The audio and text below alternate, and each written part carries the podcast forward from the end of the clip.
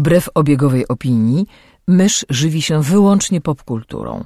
Jest zwierzęciem stadnym, które lubi dzielić się tym, co znajdzie ze światem.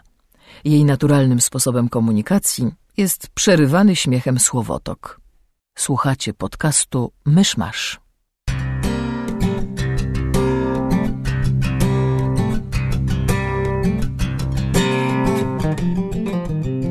Drodzy słuchacze, jest poniedziałek, 21 sierpnia 2017 roku, urodziny Petera Weira, Carrie Ann Moss i Roberta Lewandowskiego. Zapraszam do 144 odcinka, to nieprawda. Zapraszam do 194 odcinka podcastu Mysz. Masz coś mi się źle zapisało? A jeśli ktoś nam powie, w jakim filmie ta trójka, trójka tych celebrytów grała razem, ten wygra nagrodę. Peter Weir nie jest aktorem. Jest reżyserem. A Robert Lewandowski jest aktorem. Pewnie Biorą go do reklam. pojawił. E, Cześć, jestem Krzysiek Seran, a ze mną przy mikrofonie siedzi mysz Cześć! i Kamil Borek. O, E, I razem tworzymy podcast Myszmasz. Cześć, słuchajcie podcastu Myszmasz, już to wiecie. E, Newsy. Sponsorem dzisiejszego odcinka jest arbuz, którego jemy, bo jest strasznie gorąco i potrzebujemy się nawodnić, tak, jak... dla, dla demonstracji Ciekawe, czy to będzie słychać. nie mam zielonego pojęcia. Okej. Quality content, guys. Myślałem, myślałem, że to będzie głośniejsze. Dobrze. E, newsy, newsy. Read all about it. Hollywood Reporter donosi to, czego wszyscy się spodziewali, to znaczy, że następnym pojedynczym filmem gwiezdnowojennym będzie coś o Obi-Wanie Kenobim. Prędko, zanim dotrze do nas, Ewan McGregor ma 46 lat. No to wciąż ma spokojnie 15 lat, kiedy może zagrać Obi-Wana sprzed Nowej Nadziei. A to, to znaczy, co, co warto podkreślić na początku, to jest Hollywood Reporter donosi, tak? To nie jest oficjalne ogłoszenie Disneya, film oficjalnie jeszcze nie wiadomo, co to będzie. No ale z drugiej strony Iwan McGregor jest najlepszym, co było w prequelach i wciąż Yep. jest chętny, żeby wrócić do tej roli, z tego co mówiono. A niestety wszędzie się, zawsze się o tym filmie mówi jako o filmie z młodym e, Obi-Wanem, a nie z młodszym Obi-Wanem. Wiesz co, no, to młody, młody to pojęcie bardzo względne. Zresztą, wiesz co, jest jeszcze, nawet jeśli przyjmiemy, że, że trzeba to rozumieć dosłownie, że to był, ma być film o młodym Obiłanie, no to wtedy jest jeszcze taki motyw, że można by się porwać na to, żeby odczarować prequele. To znaczy prequele były kiepskie do fatalnych, niektóre miały dobre sceny, ale można by zrobić dobry film umieszczony w tych czasach. Właśnie mam wrażenie, że Disney może nie chcieć się jeszcze w to angażować. Jakby jak na razie Disney bardzo unika tego, co się działo w prequelach, nie?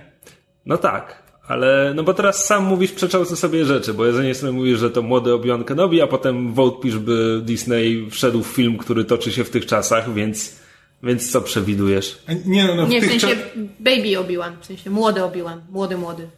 No, tak, to wciąż będzie Stara Republika. No ale to nie będą prequele.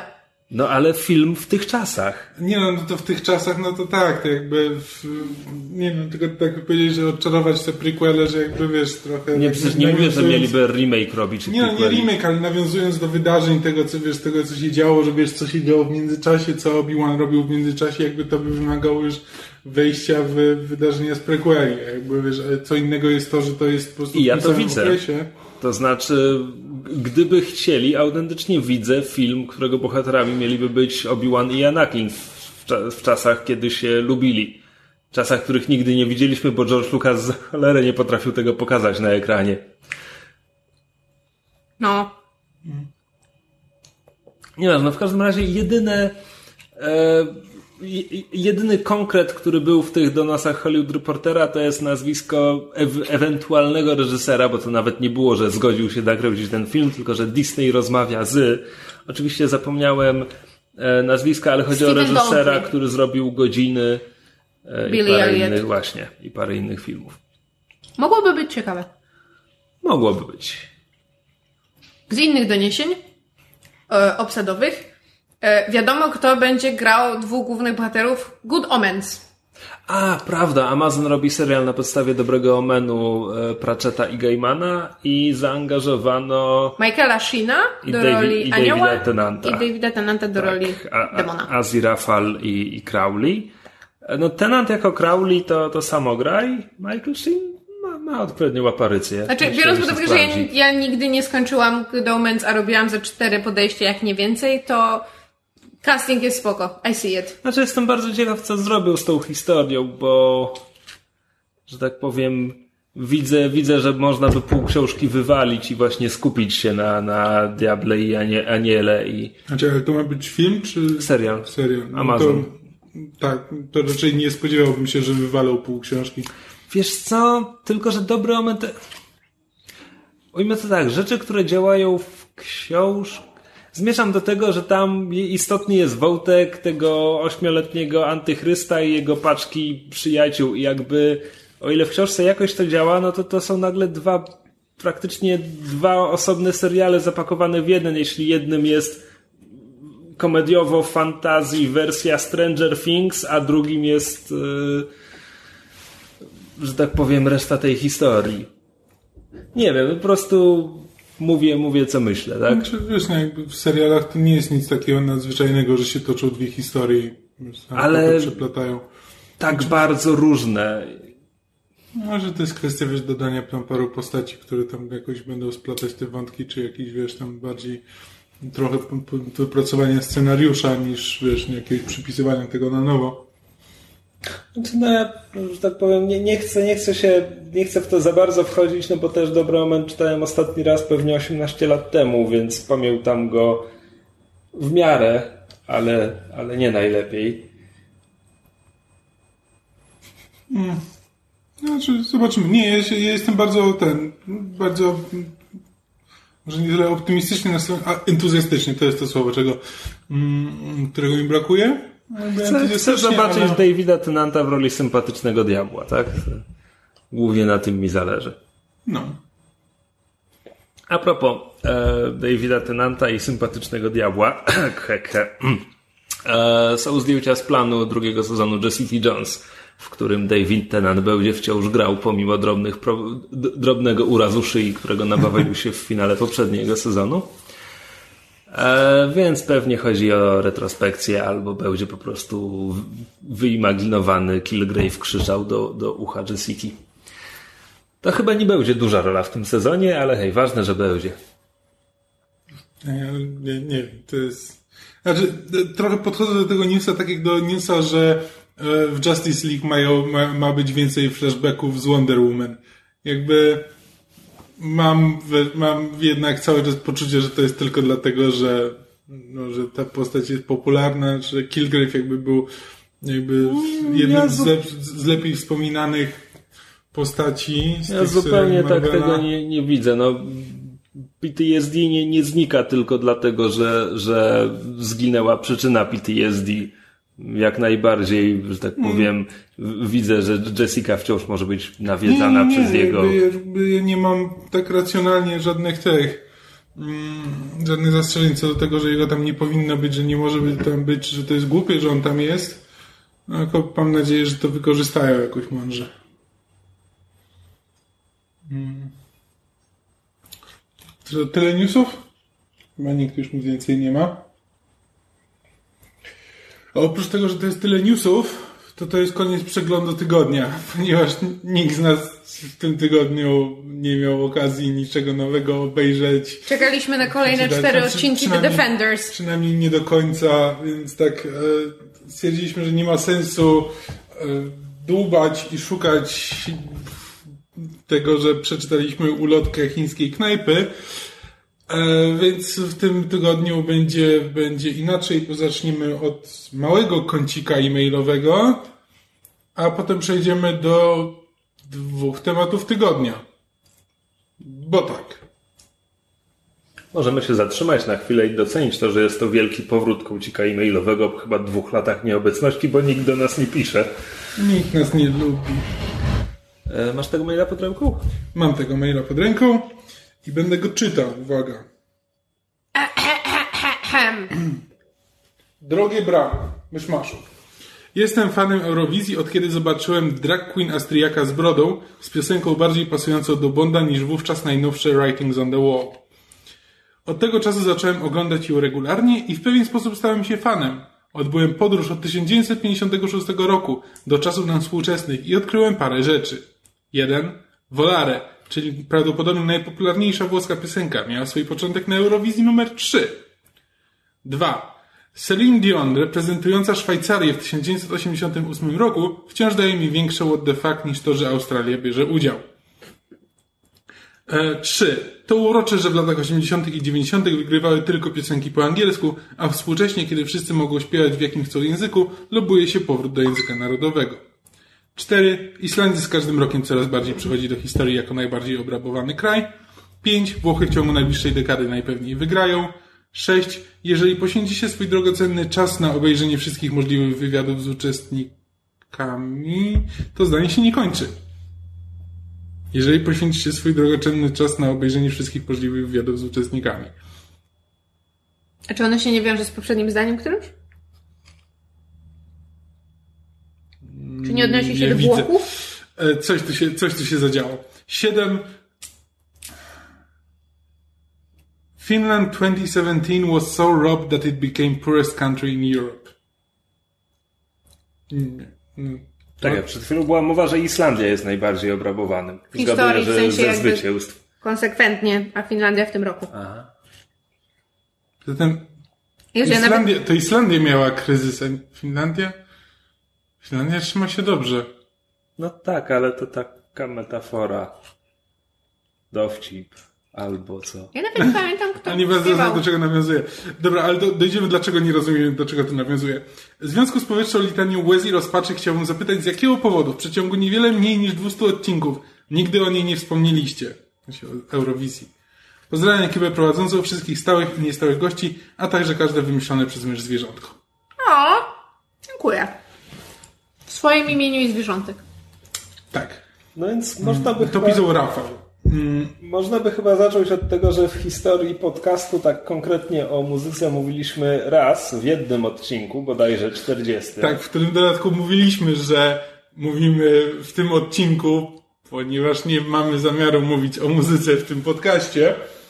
Ej, ja w jednym mówiłam przecież o albumie Logika. To nie, Nie, tak, no że tak, w ogóle tak. nie mówimy. Nie, no to nie jakiś jest to- czas nam się zdarza. Tak, tak, nie, no pewnie, że jeśli ktoś coś nagle odkryje i To nie jest tak, że jesteśmy filistynami. Nie, no tak, tylko też to tłumaczyliśmy w tym odcinku, że po prostu nie znamy się muzycy, na- o muzyce na tyle dobrze, żeby to była stała część naszego podcastu eee, i nie umiemy o niej rozmawiać. A jeśli chodzi konkretnie o Eurowizję, no to ja na przykład w życiu widziałem zero Eurowizji i nie bardzo mam co mówić na ten temat. Ja w swoim życiu widziałem jakieś półtorej y, Eurowizji.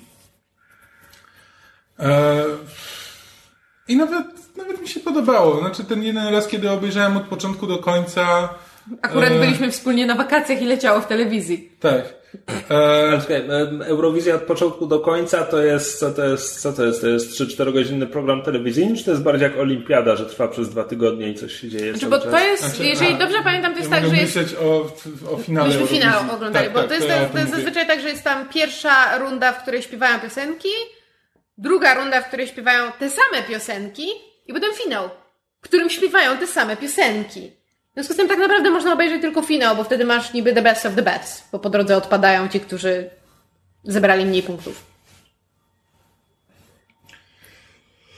Tak, no więc e, to nie jest najlepsza pod, podstawa do mówienia Eurowizji. Ja jakby nie neguję wpływu Eurowizji na europejską i momentami nawet światową popkulturę. Nie no, ABBA jest przecież globalnym. Super. No tak, dlatego Hitem. mówię, no ale to jest raczej momentami, to są jakby pewne ewenementy, które gdzieś tam się biorą z e, biorą z tej Eurowizji i przenikają, ale to jest taki, że wiesz, jakiś jeden utwór raz na parę lat.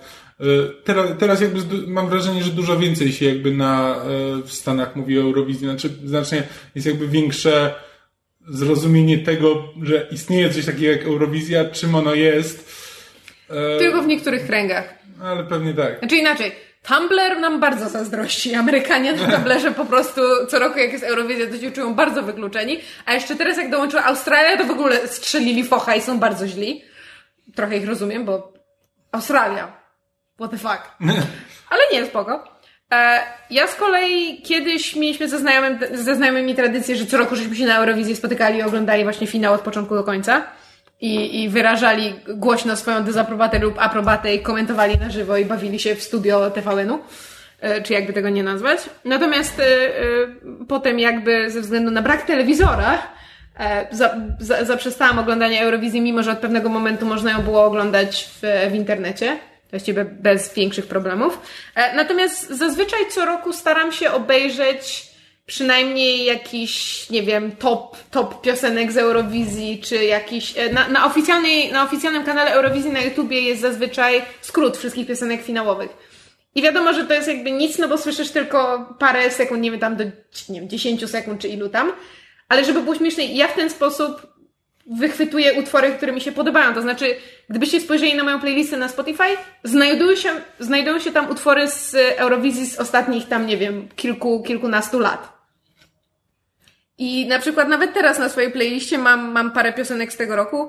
Oczywiście nie pamiętam z jakich są krajów, bo, bo po co, E, natomiast mam, mam na przykład w, piosenkę, która wygrała ostatecznie, czyli to jest e, z Portugalii. E, I to jest tego Salvadora Sobrala. I mi się takiego piosenka spodobała, jak zobaczyłam ten właśnie skrót, że obejrzałam potem, nie wiem, 17 różnych wersji tej piosenki. Obejrzałam jego E, live show, znaczy koncert na żywo, który jest dostępny też w, we fragmentach na, na YouTubie.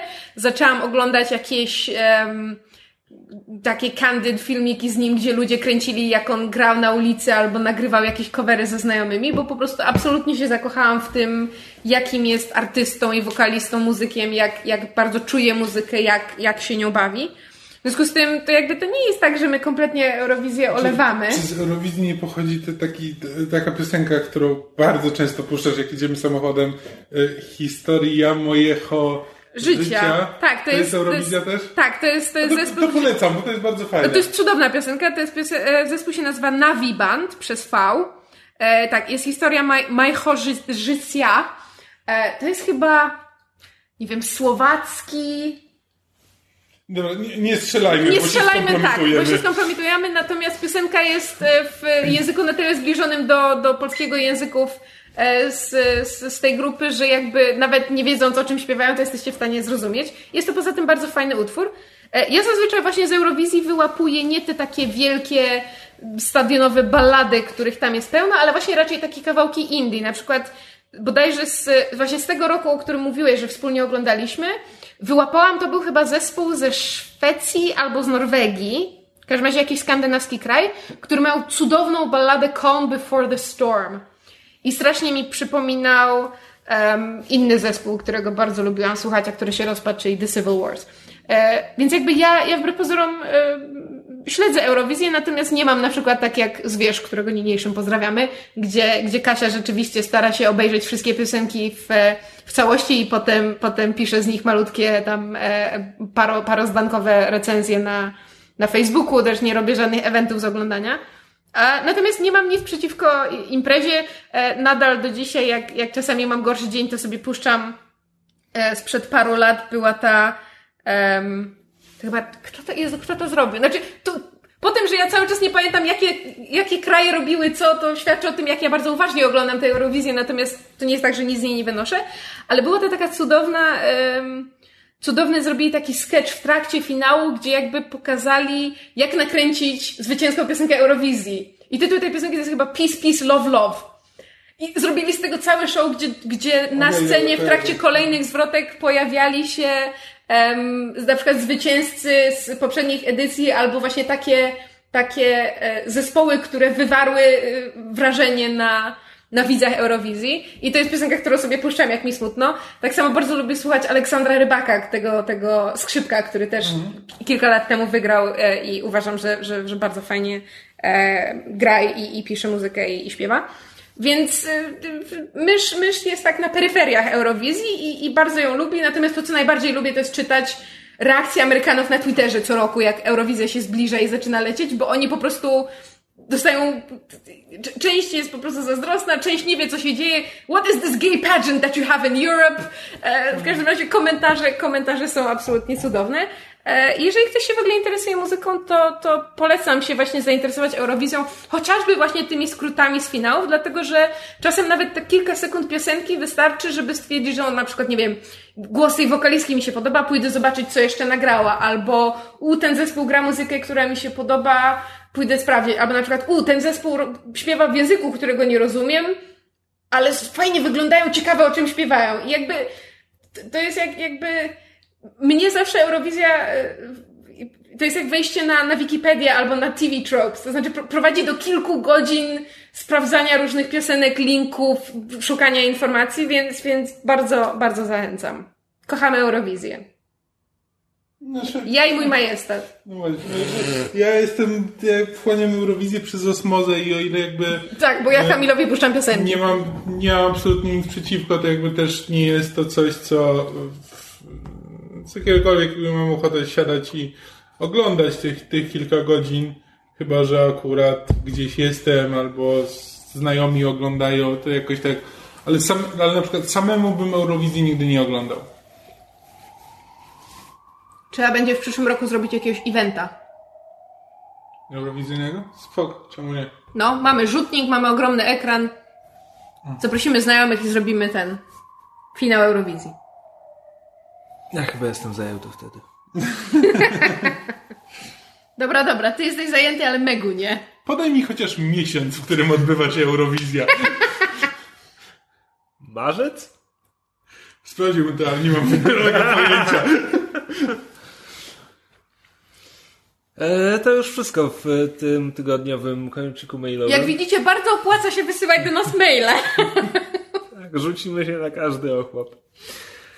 E, więc tak, e, głównym tematem, głównymi tematami dzisiejszego odcinka mają być takie nasze swobodne dyskusje i przemyślenia na tematy rozmaite. Myszu, czy chcesz przedstawić? Tak. To znaczy, yy, yy, godzinę temu rozmawiając na czacie, ustaliliśmy, że chcielibyśmy poruszyć dwa jakby zagadnienia popkulturowe, które yy, z różnych powodów są nam bliskie albo wywołują e, pewne konkretne emocje i przemyślenia. I są to dwa pojęcia, mianowicie hype, o którym sporo się mówi w ostatnich latach właśnie a propos różnego rodzaju produkcji popkulturowych i retcon. Znane także pod szerszą nazwą jako retroactive continuity. Które nie mają ze sobą nic wspólnego. Tak. Ale są to dwa pojęcia, które, e, e, że tak powiem, z, z, którymi często e, się stykamy, więc pomyśleliśmy, że sobie o nich porozmawiamy, zwłaszcza, że można je różnie rozumieć. I jakby oprócz tego, że potrafią mieć też nieco różne definicje, to każdy je troszeczkę inaczej interpretuje po swojemu. Czy mamy jakieś preferencje, od czego chcemy zacząć? Zacznijmy od hype. Dobrze, zacznijmy od hype'u. Jak rozumiesz hype?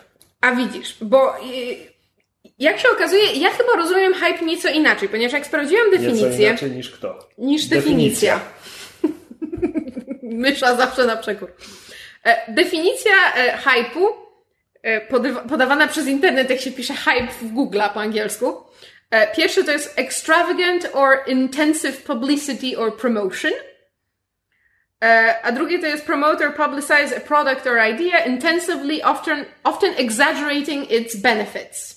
Czyli jakby, że coś bardzo promujemy e, w taki intensywny, agresywny sposób, bardzo często jakby za, zawyżając jego wartość. Myślałem zalety i minimalizując wady. W, w encyklopedii przy haśle hype powinien, powinno być zdjęcie Marka Millara mówiącego o jakimkolwiek swoim komiksie.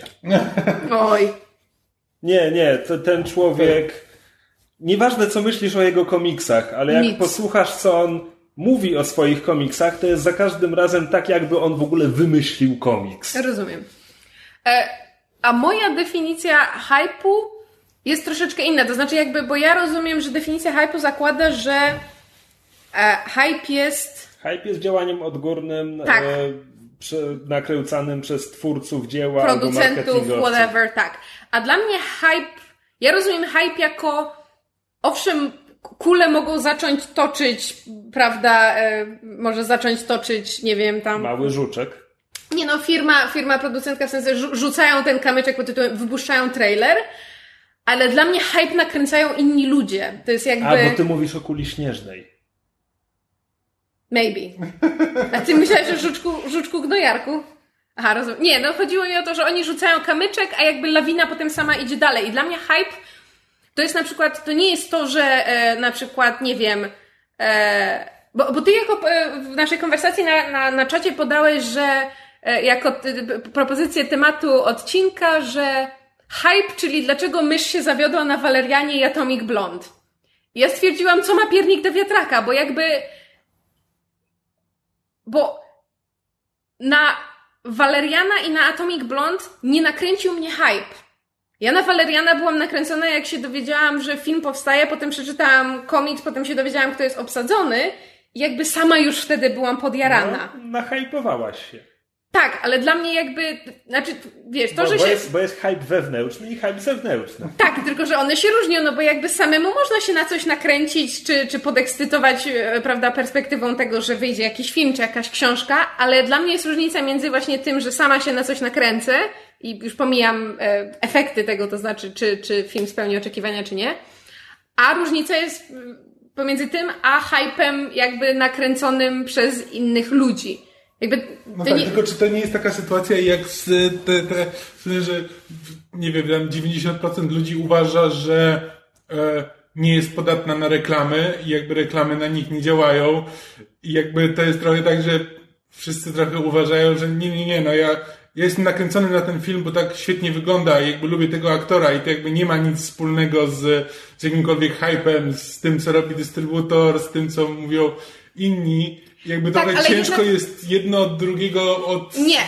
od... Nie. okej. Znaczy, no, just Dobra, okej. E, Słuchaliście podcastu Mysz Masz. Znaczy, zawsze, tak jak powiedziałam, zawsze jest ten, prawda, nie wiem, kamyczek rzucony przez, przez e, nie wiem, dystrybutora, producentów, firmę marketingową, nieważne. Natomiast dla mnie różnica jest na przykład taka, jak właśnie pomiędzy, kiedy ja się zaczęłam e, ekscytować Walerianem, jakby można prześledzić w podcaście, bo there's evidence, e, a jakby, a kiedy zaczęła się machina, e, że tak powiem, promocyjna, kiedy zaczęły się te e, recenzje pod tytułem najlepszy film Luka Bensona, olśnienie, widowisko i tak dalej, już abstrahując od tego, że te, jak te recenzje mają się do naszego zdania na temat filmu, a jest różnica między tym, a na przykład tym, co się wydarzyło przy Baby Driver. Bo ja Baby Driver byłam jakby zainteresowana od początku, no bo, prawda, Edgar Wright, nowy film, e, heist movie, duży element muzyki, ale trailery, które zostały wypuszczone i recenzje, które się pojawiły po premierze filmu, szalenie pozytywne, tylko jakby podkręciły moje oczekiwania, które ostatecznie zostały zawiedzione. Więc jakby jest różnica między wewnętrznym hypem, hypem wywołanym przez em, jakby przez No mówię, hype, marketing. Hype wewnętrzny, hype zewnętrzny. Ale wiesz co- ja, jest, ja jestem zdania, że nie ma czegoś takiego jak hype wewnętrzny i hype zewnętrzny. Wszyscy jesteśmy na spektrum hype'u. E, To, nie, czekaj, no bo zobacz, bo definicja, którą przeczytała mysz, bardzo wyraźnie mówi, że chodzi o działania marketingowe, o przesadzone, szumne, pompatyczne działania no. marketingowe. Natomiast e, typow, typowe użycie w internecie, jak wiesz, jak kto, ktoś linkuje do jakiegoś zwiastunu i pierwszy komentarz jest, wszyscy wskakujemy na pociąg z hypem. No to pociąg z hypem to właśnie już sam pociąg z hypem rozmija się z, z definicją tak, ale na przykład w, przy Walerianie to też oni od samego początku to było na zasadzie jakby, jak pamiętam, bo jakby zrobiło to wrażenie, że jakby od początku było, że to jest ten kultowy komiks Valerian, y, Valerian i Loreline y, będzie miał adaptację zrobioną przez Luca Bessona. Ja w życiu nie słyszałem o Valerianie zanim przed zapowiedzią filmu.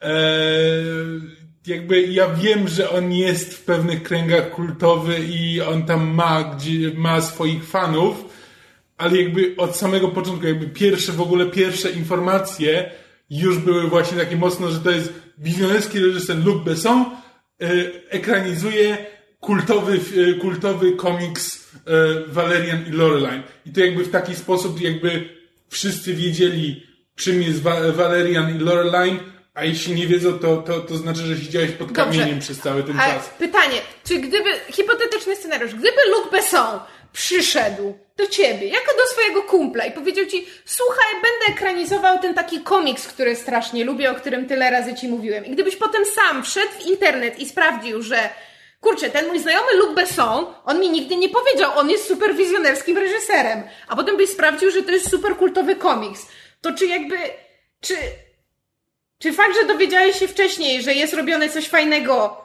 to nie był jakby wewnętrzny hype na zasadzie, u, to brzmi ciekawie, a potem dopiero sprawdziłeś, że to ma coś więcej. Czy jakby. Ja na przykład bym się nie zgodziła z tym, że ten element publicity jest zawsze inherentnie związany z, z powodem, dla którego się ekscytujemy filmem. Znaczy, ja... Wystarczy, że było zrobione press release pod tytułem Aktor X.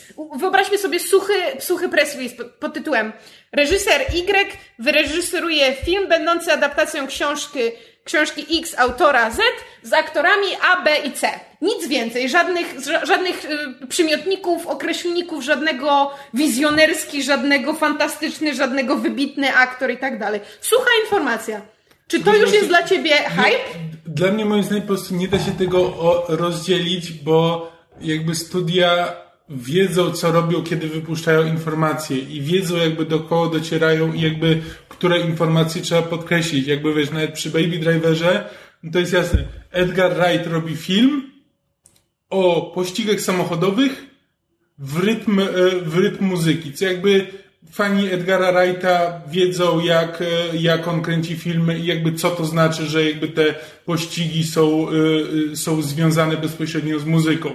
I jakby każde studio zawsze wyświetla. Jakby to nie jest tak, że ja uważam, że zawsze, jeśli, jeśli się nakręcasz na jakiś film, to zawsze stoi tam z jakieś, te, studio, ale nie da się tego oddzielić, nie da się powiedzieć, e, by, nie da się powiedzieć ze stuprocentową pewnością, nie, nie, ja jestem nakręcony na ten film, bo, bo spojrzałem na niego obiektywnie i uważam, że będzie świetny i jakby nie miało na mnie wpływu to, co, to, co, e, to, co wypuściło studio, no bo studio wypuszcza, wypuszcza informacje jakby w pewien konkretny sposób do pewnych konkretnych e, grup, podkreślając pewne konkretne informacje. Nawet jeśli to są szczątkowe informacje, właśnie na zasadzie Edgar Wright, pościgi samochodowe, muzyka, to jakby wiedzą do kogo to wypuszczają i wiedzą, wiedzą o kim to wypuszczają.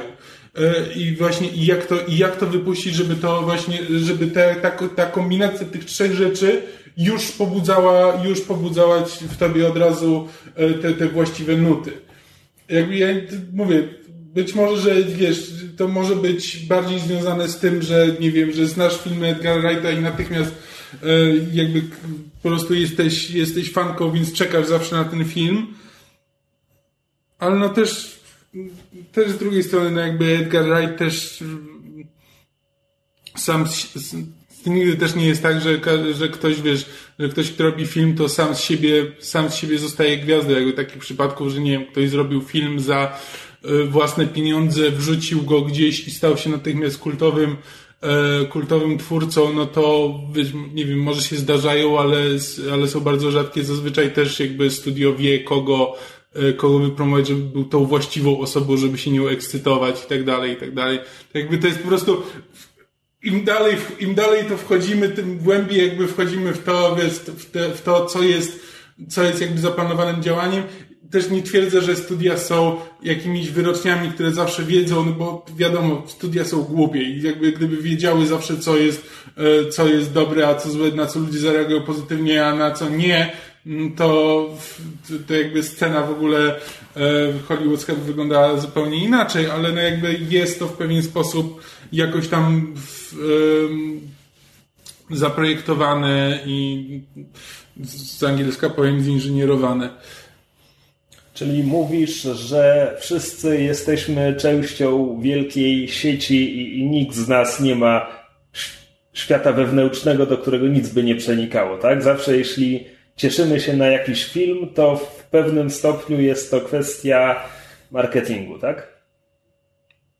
Może być. Ja mówię, że nie da się tego oddzielić. Znaczy, ja nie, nie, nie, nie jesteś w stanie powiedzieć, co jest, co, co jest bezpośrednio wychodzi z ciebie, a co, e, a, a co nie. To jest właśnie to, jest to co mówiłem, jakby z przykład z reklamami. No możesz twierdzić, że jakby ja ten produkt lubię, bo, bo, bo mi smakuje, bo jest dobry i tak dalej, jakby reklama z tym nie miała nic wspólnego, ale jesteśmy tak nasączeni reklamami, że nawet nie wiesz, kiedy to do ciebie Znaczy, dociera. Nie, nie po prostu. e, Ja nie mówię, że ja neguję to, co mówisz, bo- no bo jak nad tym się zastanawiam, no to jeśli reżyser, o którym wcześniej nie słyszałem, robi film, o którym wcześniej nie słyszałem, ale obejrzę zwiastun i zwiastun mi się bardzo podoba i zaczynam czuć jakiś wewnętrzny hype, no to oczywiście, że to się wzięło ze zwiastunu, no bo nie słyszałem wcześniej o projekcie, musiałem się o nim jakoś dowiedzieć.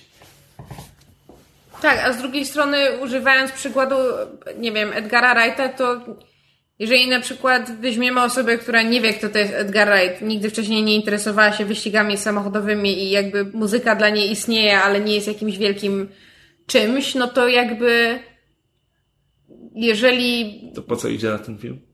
Nie wiem, znajomi zaciągnęli. Nie, no śmieję się, ale jakby, czy, czy w tym wypadku. Nie wiem, co chciałam powiedzieć, zakopciłam się. Um, nie, po prostu dla mnie jest różnica, jakby. Okej, przyjmijmy, że nigdy tak naprawdę nie jesteś w stanie wskoczyć pierwszy na bandwagon, bo to nawet nie jest hype wagon, to jest bandwagon, teoretycznie tak to się nazywa. Um, Nie, nie, nie. Bandwagon, na bandwagon skaczesz, jak bandwagon jest już zapełniony. Hype train na początku jest pusty i ludzie zaczynają na niego skakać. No właśnie Kamil próbuje udowodnić, że Hype Train jakby nigdy nie jest pusty, bo zawsze prowadzi go, ktoś go prowadzi, w sensie zawsze jest maszynista. No tak, ale maszynista jest, w przykładzie, jeśli posługujemy się przykładami filmowymi, maszynista jest specem od marketingu. E, tak? I, I dopiero przychodzą pasażerowie, a jak jest bandwagon, to w bandwagon już, tam już jest trzy wagony pasażerów i ty skaczesz, bo też chcesz tam być. No właśnie, a ja się zastanawiam nad tym, też chcesz To tam może być być. mój ulubiony odcinek, jak dobrze. Który będzie Ty, tytuł, ty, tytuł, tytuł Czuję do ciebie pociąg. um, kurwa, znowu że się zakapućkam. Okej, bo dla mnie są... Jakby jest różnica pomiędzy... Są dwa pociągi, tak? Ale stoją na trzech torach. Nie, są, są dwa A pociągi. jeśli Jeden przełożysz wyjeżdża... zwrotnicę, to zabijesz czterech ludzi. Ale Jeśli- jeśli nie przełożysz, to zabijesz Jeden pociąg ośmiu. wyjeżdża ze stacji A z prędkością 45 km, drugi pociąg wyjeżdża ze stacji B z prędkością 70 km, kiedy się zderzą. E, dobrze. Znaczy, bo dla mnie jest różnica pomiędzy hypem tym właśnie z definicji, to znaczy em, wykreowanym przez em, firmę mar- marketingową, Hypem zewnętrznym. tak? A jakby hypem hypem na dalszym etapie, bo to nawet nie jest to, że on powstaje skądinąd, no bo jeżeli przyjmujemy em, e, teorię czy wytłumaczenie Kamila pod tytułem zawsze jest maszynista, to hype może pochodzić albo od tego maszynisty, który mówi ten pociąg jest zajebisty, albo od wszystkich ludzi, którzy już siedzą w tym pociągu i ci mówią tak, ten pociąg jest zajebisty, a właściwie ten pociąg będzie zajebisty, jak już przyjedzie. I to jest to, z czym ja mam większy problem, bo ja, jakby Teraz mówimy o Kickstarterze. Nie, teraz mówimy na przykład o tym, że t- trailer do Awatara może mi wmawiać, że to jest e, najbardziej wizjonerski film wszechczasów i w ogóle the best thing ever since sliced bread. Natomiast to, co mi będzie najbardziej przeszkadzało, bo jakby to przyjmuję, że to jest marketing, w sensie jakby, że, że to jest, zostało wykreo- wykreowane, to ma mi coś zasugerować. Natomiast to, czego najbardziej nie lubię i to, o czym też wielokrotnie wspominaliśmy w podcaście, bo ja jestem znana z tego, że że, że raz na jakiś czas jest film, na który wszyscy się, y, w którym wszyscy się jarają, a mysz mówi nie. To jest właśnie ten hype jakby od ludzi. To znaczy, jeżeli potem mi nagle wszyscy ludzie zaczną mówić, że Avatar jest fantastyczny i w ogóle wizjonerskie kino i najlepszy film ever. Okej, kto tak mówi? For instance. Poza tym nie mów tak. najdurniejszy był, nie, przykład. był, nie, Nie, był taki jest moment. Krzysiek. ludzi, którzy był tak taki twierdzą. moment. To jest bardzo smutne, ale są. Tak, Awatar. tak. Awatar. Nie The Last End- Wymie, Bender. wymieńcie Avatar. imiona trzech postaci. To I've never seen zadanie it. dla tych ludzi. I've never seen it. Właśnie o to chodzi. Mnie tamten hype ludzi, nie, nie twórców, ludzi tak zniechęcił, że stwierdziłam, nie, pierdolę, nie będę oglądała najlepszego filmu wszechczasów. Bo na tym etapie już nie jestem w stanie podjąć własnej decyzji. Nieważne, czy, znaczy, jakby wyciągnąć sama na własną rękę zdecydować, czy film mi się podoba, czy nie, bo nieważne, czy negatywnie, czy pozytywnie, będzie na mnie wpływało to, że ludzie twierdzą, że to jest fantastyczny film. Będę Ale musiała się tak czy inaczej z tym skonfrontować. I, i, i, I mówisz, że nie, nie jesteś w takiej sytuacji w stanie ocenić filmu sama? Nie, nie, nie potrafisz potem powiedzieć, czy on ci się podoba? Po pewnym czasie. Po pewnym czasie od czego? Od tego, jak hype przycichnie. W związku z tym na przykład nadal nie widziałam Hamiltona, znaczy nie widziałam, nie słuchałam Hamiltona. Bo nie mogę, bo bo nie będę w stanie spojrzeć na to nawet nie obiektywnie, bo to nie o to chodzi. Subiektywnie, dlatego że cudze opinie mi wszędzie latają. I'm a very special snowflake, don't look at me like that. Słuchaj, ten podcast jest bez, bezpieczną przestrzenią. I... Mm, since when? E... Tak. Ale do tego dochodzi drugi element, o którym, o którym dzisiaj z Kamilem rozmawiałam, to znaczy a propos tego bandwagon, to znaczy częścią awersji do, do, do hypu, i to też nie zawsze, bo czasami, czasami jakby poddaję się temu i, i, i idę na film i w ogóle się w nim zakochuję i zapominam, że kiedykolwiek kręciłam na niego nosem, ale są takie przypadki, gdzie jakby, no mówię właśnie, nie wiem, Hamilton, Avatar nadal, nadal się nie, nie zebrałam, nie obejrzałam. Natomiast druga rzecz jest taka, że czasami jest na przykład coś, o czym gdzieś tam usłyszałam mimochodem, ale stwierdziłam, a nie, nie mam teraz czasu, później. I potem to coś wybucha. Jestem taka wściekła na siebie, że nie zdążyłam wskoczyć jako jedna z pierwszych osób do tego pociągu, że potem stwierdzam, nie, nie będę się dopychała kolanem, bo because I'm just gonna be one of the many. A to jakby tak jestem w głębi duszy Hipster, hipsterem, tak, tak! tak, jestem w głębi duszy hipsterem i lubię czasami móc powiedzieć I like the thing before the thing was cool. Teen Wolf, przepraszam. Znaczy już nie jest cool, ale kiedyś był niektórych kręgach.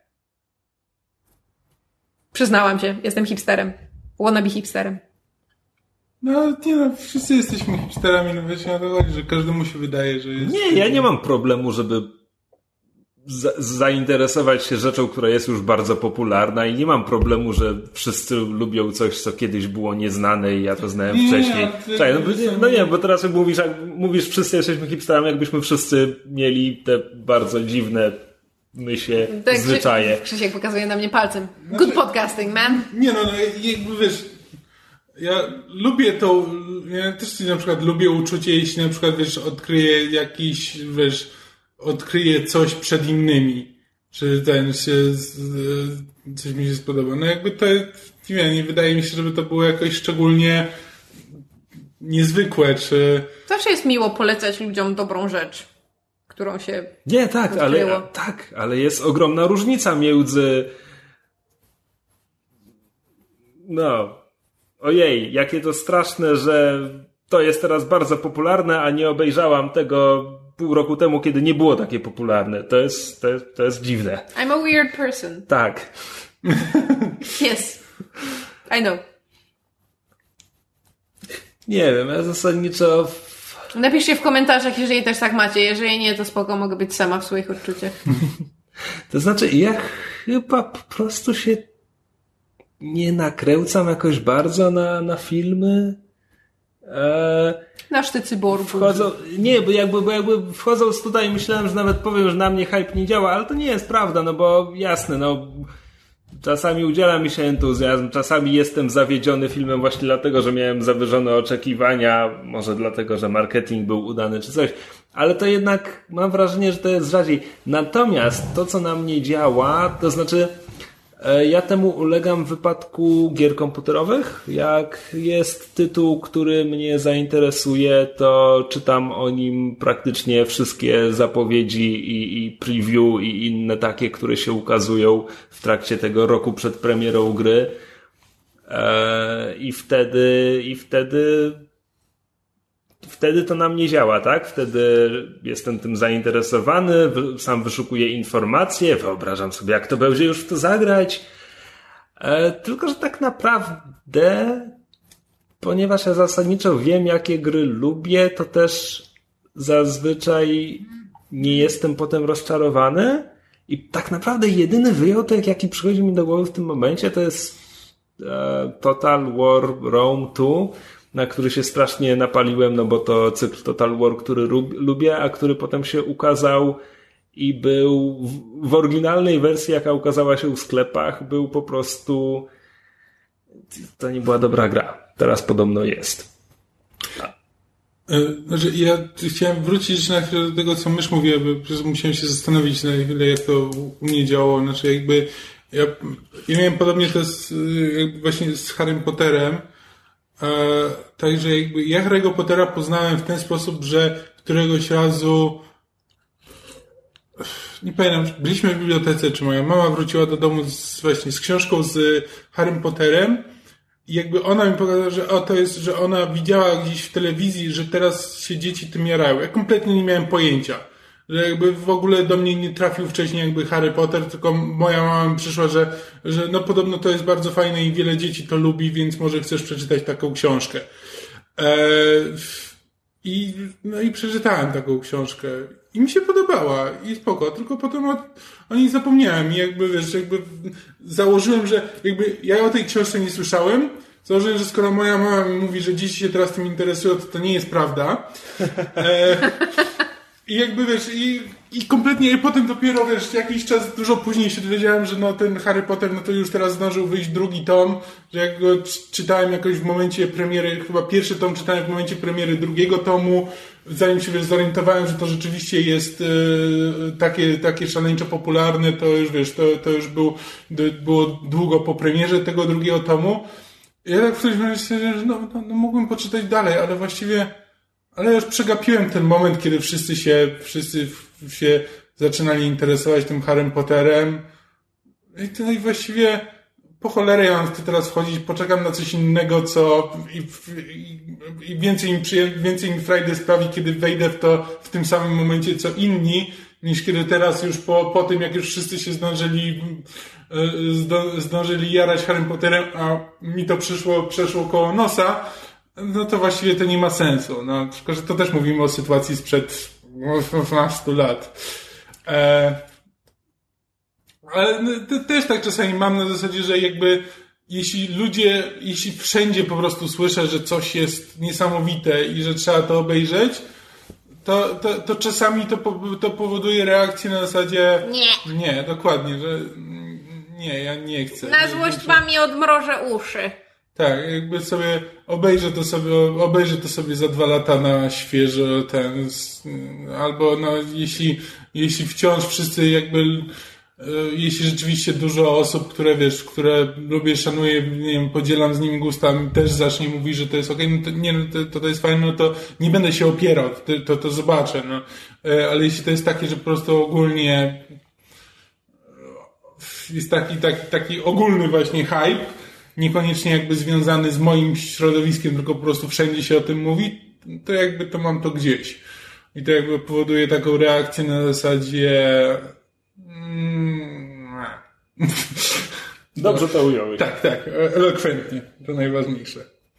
Ale to w sumie ciekawe, bo ja zawsze myślałam, że ta moja awersja do hype'u, to ona się jakby pojawiła w momencie, kiedy się zaczęłam interesować popkulturą, czyli jakieś plus minus 10 lat temu.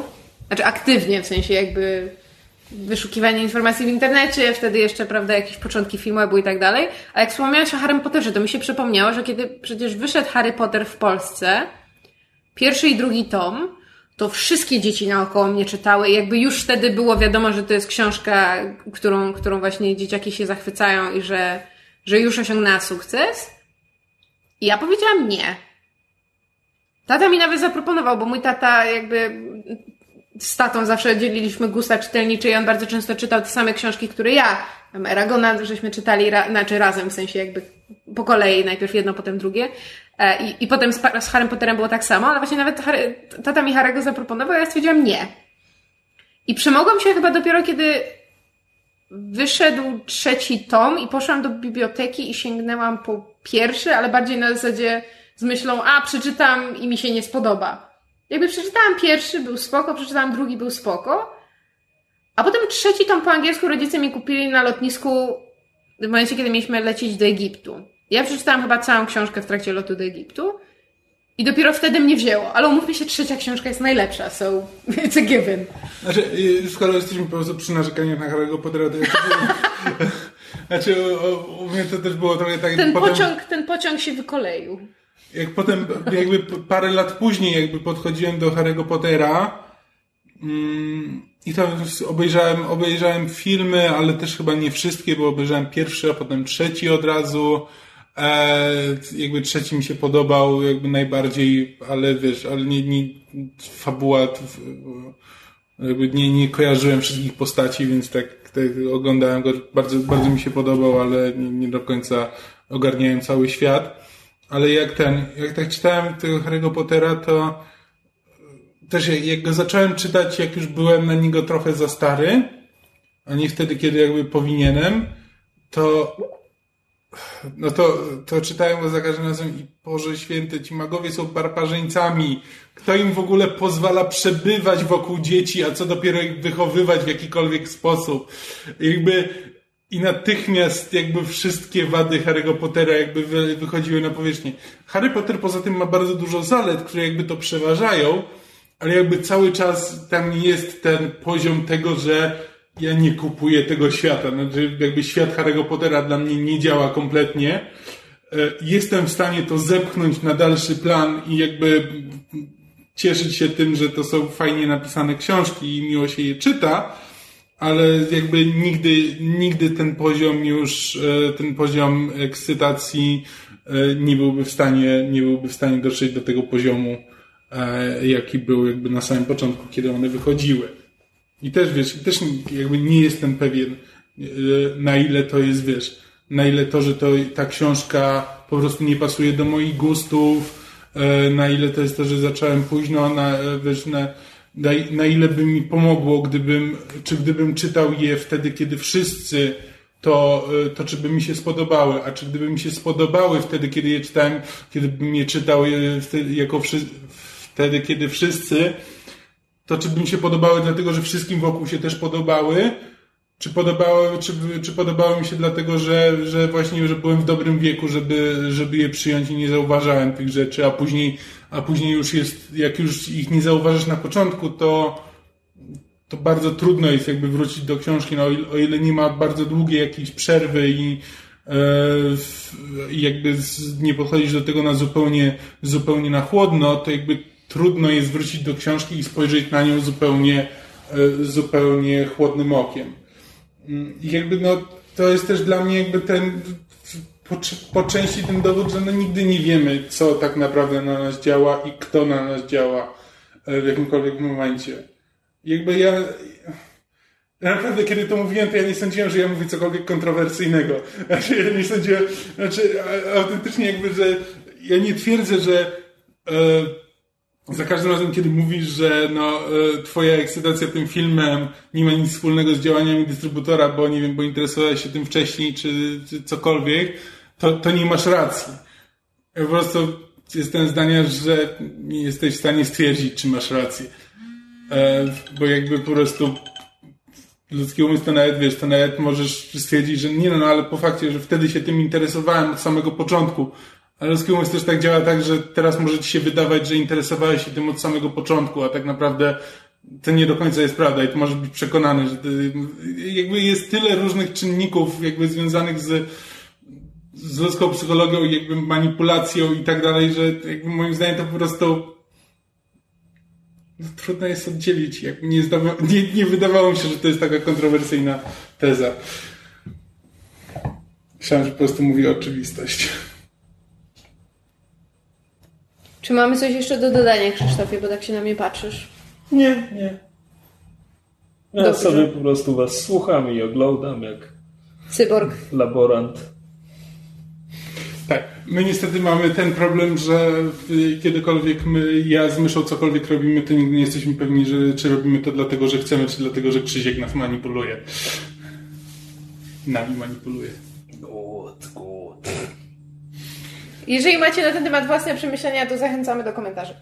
E, a drugim e, terminem, który chcieliśmy omówić, jest Redcon, jak już wspomniałam.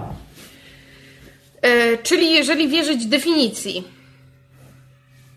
I tu też mam problem. Bo pierwsza definicja, jaką znalazłam, głosi ni mniej, ni więcej, ale co to jest Wikipedia? Czy? Nie, po prostu. Jak wpiszesz w Google, to to jest pierwsze, co ci wyskakuje. To jest jakby googlowe.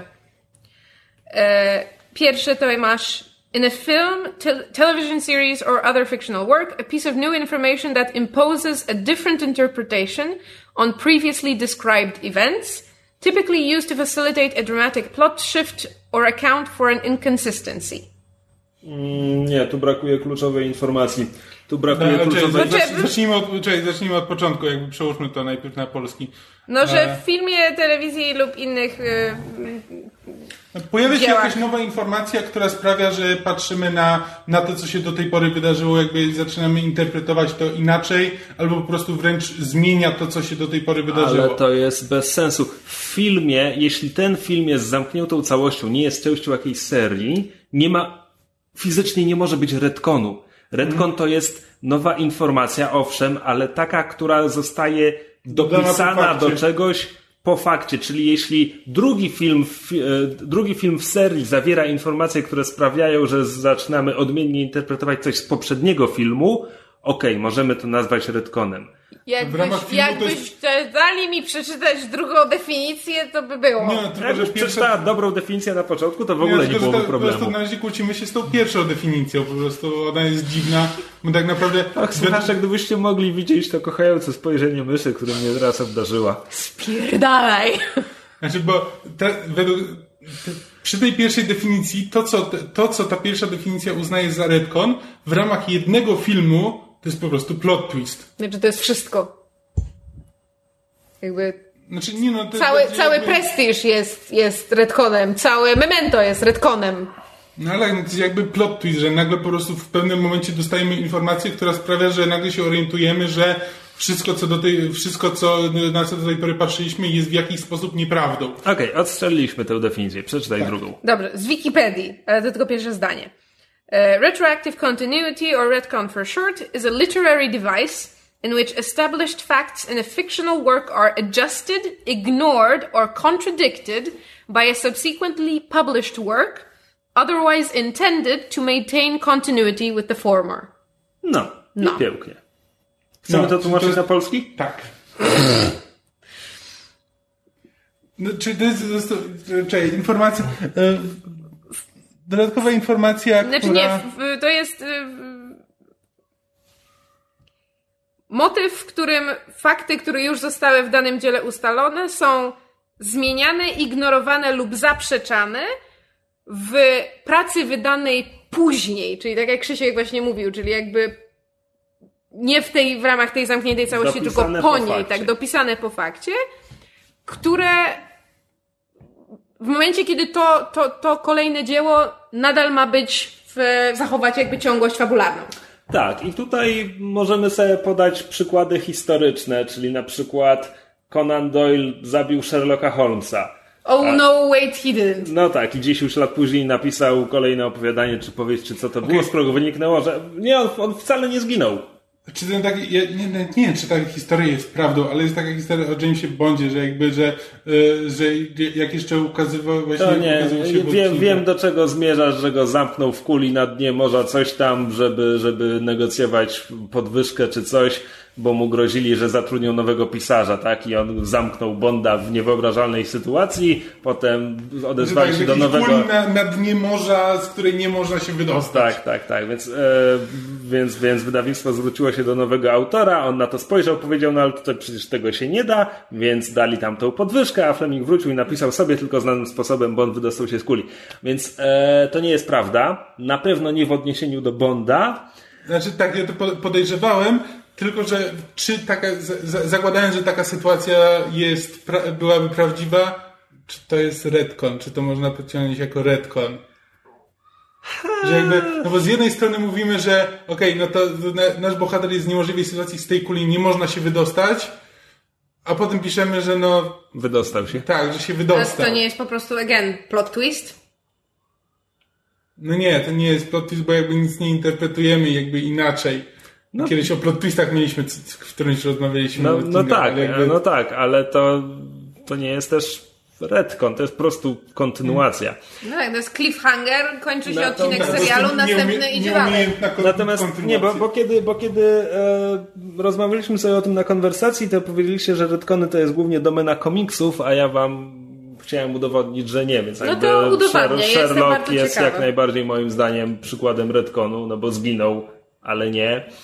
E, Gwiezdne Wojny George'a Lucasa w Nowej Nadziei, znaczy konkretnie chodzi mi o okres po ukazaniu się Nowej Nadziei, George Lucas razem ze swoimi współpracownikami jakby piszą z kolejny film, wymyślali rzeczy, których kompletnie nie ma w pierwszej części i sama idea, że Vader jest ojcem Luka, to nie jest coś, co Lucas miał w głowie pisząc Nową Nadzieję. Więc czy to jest retcon? No nie było w tekście powiedziane no Że nie poza, jest. No poza Obi-Wanem, który ewidentnie mówił o Anakinie Skywalkerze i Darfie Vaderze jako dwóch różnych ludziach, tak? Potem się dowiadujemy, że kłamał, ale kiedy George Lucas to pisał, to nie pisał z tego myślą, on kłamie. Kiedy Alec Guinness to grał, nie grał tego z, z myślą, on kłamie, bo wszyscy na planie byli przekonani, że taka po prostu jest prawda. E, Natomiast już e, dużo, e, dużo bardziej wyraźnym retconem jest, jest samo imię Darth Vader, bo w Nowej Nadziei Darth jest ewidentnie jego imieniem, a nie żadnym tytułem, przydomkiem czy czymś takim. Więc to jest po prostu retcon, gdzie tak naprawdę dopiero w prequelach Darth staje się tytułem Sithów. nawet Obi-Wan go nazywa Darth. Tak, jak najbardziej. Tak. Obi-Wan mówi do niego per Darth. Chodź, chodź, chodź Darku, pobijemy się. E, więc, więc tak, więc... E, Czy gry to robią trochę jakby nagminnie, bo jakby w grach jest normalne to, że tylko, że to też jest jakby specyficzna sytuacja, bo w grach jest normalne Kiedy- to, że gra ci daje na przykład dwa możliwe zakończenia, po czym na przykład wybiera, wybiera z nich jedno w kontynuacji potem. Albo wręcz ignoruje e, zakończenie i, e, i robi, robi coś zupełnie tak, innego w w, momencie, kontynuacji. w momencie, w momencie, kiedy gra daje graczowi wybór, a potem kontynuacja mówi, że okej, miałeś wybór, ale tylko jedna opcja jest właściwa, no to jeśli gracz dokonał innego wyboru, to może mieć poczucie, że, że, że tak powiem, gra nadpisała Został jego rzeczywistość. Tak, przez grę. E, tak. Ale też, są, ale też są na przykład takie sytuacje, chyba pomiędzy, znaczy bo pomiędzy Deus Ex Human Revolution a Deus Ex Mankind e, Divided to jest jakby właśnie dokładnie ta sytuacja, o której mówię, gdzie gra miała trzy różne zakończenia, a ten następna gra jej ignoruje po prostu. Plus Adam Nie- Jensen kończy na dnie morza po pier pierwszą część, po czym w drugiej jest żywy i nic mu Tak, nie jest. e, to, to jest jedno, ale też pomiędzy oryginalnym Deus Exem a Deus Ex Invisible War jest e, Deus Ex Invisible War jakby nie zakłada, że wydarzyło się jedna z wersji wydarzeń z poprzedniej Tylko gry, wszystkie tylko cztery. wszystkie cztery naraz pewne, po prostu bierze z nich pewne elementy i składa je w jedną całość.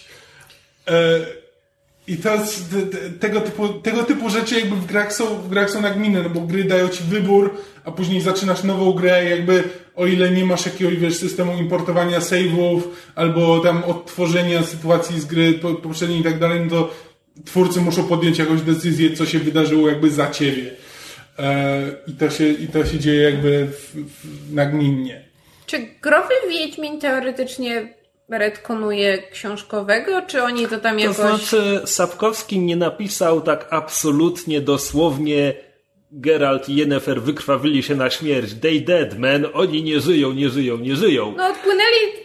Nieważne. Ciri ich przewiozła cholera wie gdzie, tak? I gra nam mówi, że to cholera wie gdzie to była kraina, w której się wykurowali i potem z niej wrócili.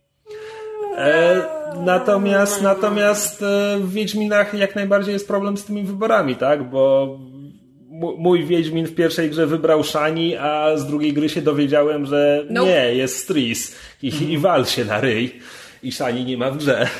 Tak. A, no tak, no ale jakby gry są tutaj o tyle specyficzne właśnie ze względu na to, że dają wybór, tak? E, seriale wydaje mi się, że retkonują na potęgę, aczkolwiek w tym momencie, a właśnie, bo czy retkonem nazwiemy, jeśli weźmiemy na przykład Dollhouse'a, w drugim sezonie Dollhouse'a, gdzieś tak w przedostatnim odcinku albo przed przedostatnim odcinku okazuje się, Spoiler. że towarzysz i och, kogo obchodzi ten serial? Ej! On już nie był dobry. Mówiliśmy już w tym serialu, że ja lubię Dollhouse'a. Be nice. E, okazuje się, że towarzysz, wspólnik, sojusznik naszych bohaterów, jedna z pierwszoplanowych postaci serialu, jest w sekrecie absolutnie najgłówniejszym złym. Problem. aktor o tym nie wiedział przez poprzednie półtora sezonu. Whedon wymyślił to gdzieś w połowie drugiego sezonu, także też pisał tę postać w pierwszym sezonie kompletnie o tym nie myśląc. Czy to jest retcon? Czy to jest po prostu durny twist? To może być po prostu durny twist. To mógł być zły Znaczy, przykład. jedno drugiego się nie wyklucza. W sensie durny twist może być retconem. No Znaczy, tak. przy Whedon, Znaczy, retcon Whedon, durnym twistem. Whedon chyba to lubi, bo potem powtórzył poniekąd ten, to samo, tylko że już nie, w ten sam sposób, ale przy agentach tarczy, no to jakby jak się dowiadujemy, że agent Ward jest, e, jest zły, to jakby Ale on po, od początku chyba był pisany z myślą, że he turns out to be a bad guy. Tak, bo to jakby się dzieje w ramach jednego sezonu. On był tak. E, znaczy, twórcy mieli to w głowie, że on się okaże zły, ale na przykład aktor o tym nie wiedział. E, I aktor, e, e, aktor nie miał szans tego, tego zagrać w żaden sposób. No ale to może być decyzja twórców, żeby jakby uwiarygodnić jego występ w pewnym sensie, jakby, znaczy, żeby oszukać widza, że jeżeli aktor będzie grał szczerze, to jakby Tak, ale dobra, nieważne, bo to nie ma nic wspólnego jakby z tematem, tylko chciałem powiedzieć, że Whedon ma. tak, ale bo też, lubi, też lubi takie proste twisty na też zasadzie. mi do głowy Myśleliście, że on jest dobry, on jest zły. Haha. No właśnie mi też Ward przyszedł do głowy, jak Krzysiek mówił e, o, o Dollhouse'ie. Natomiast to, co mnie zawsze zastanawia w tego typu rozmowach, właśnie zwłaszcza e, w, przypadku seriali, to znaczy jeden serial, który moim zdaniem retkonuje się w kółko i robi to szalenie nachalnie, chociaż mam jakąś taką wizję, że gdzieś w e, studiu ABC jest Jeśli, cała... jeśli powiesz Supernatural, to my wypadamy z rozmowy. Nie, Once. Upon a Time też wypadacie z rozmowy. Chociaż Kamil Q, Q, ten e, robił... Ja oglądałem w ogóle Pierwszy sezon. Pierwszy sezon, czy półtora nawet sezonu chyba. No tak, więc, więc jeżeli słuchacze nie wiedzą, Once Upon a Time to jest taki serial, w którym postacie z baśni żyją we współczesnym świecie, tylko nie wiedzą, że pochodzą z baśni. A serial rozgrywa się tak, że mamy po przemieszane sceny z teraźniejszości z tymi postaciami, które nie wiedzą, kim są, i tam dwie postaci próbują im uświadomić i zdjąć klątwę, która na nich, na nich spoczywa.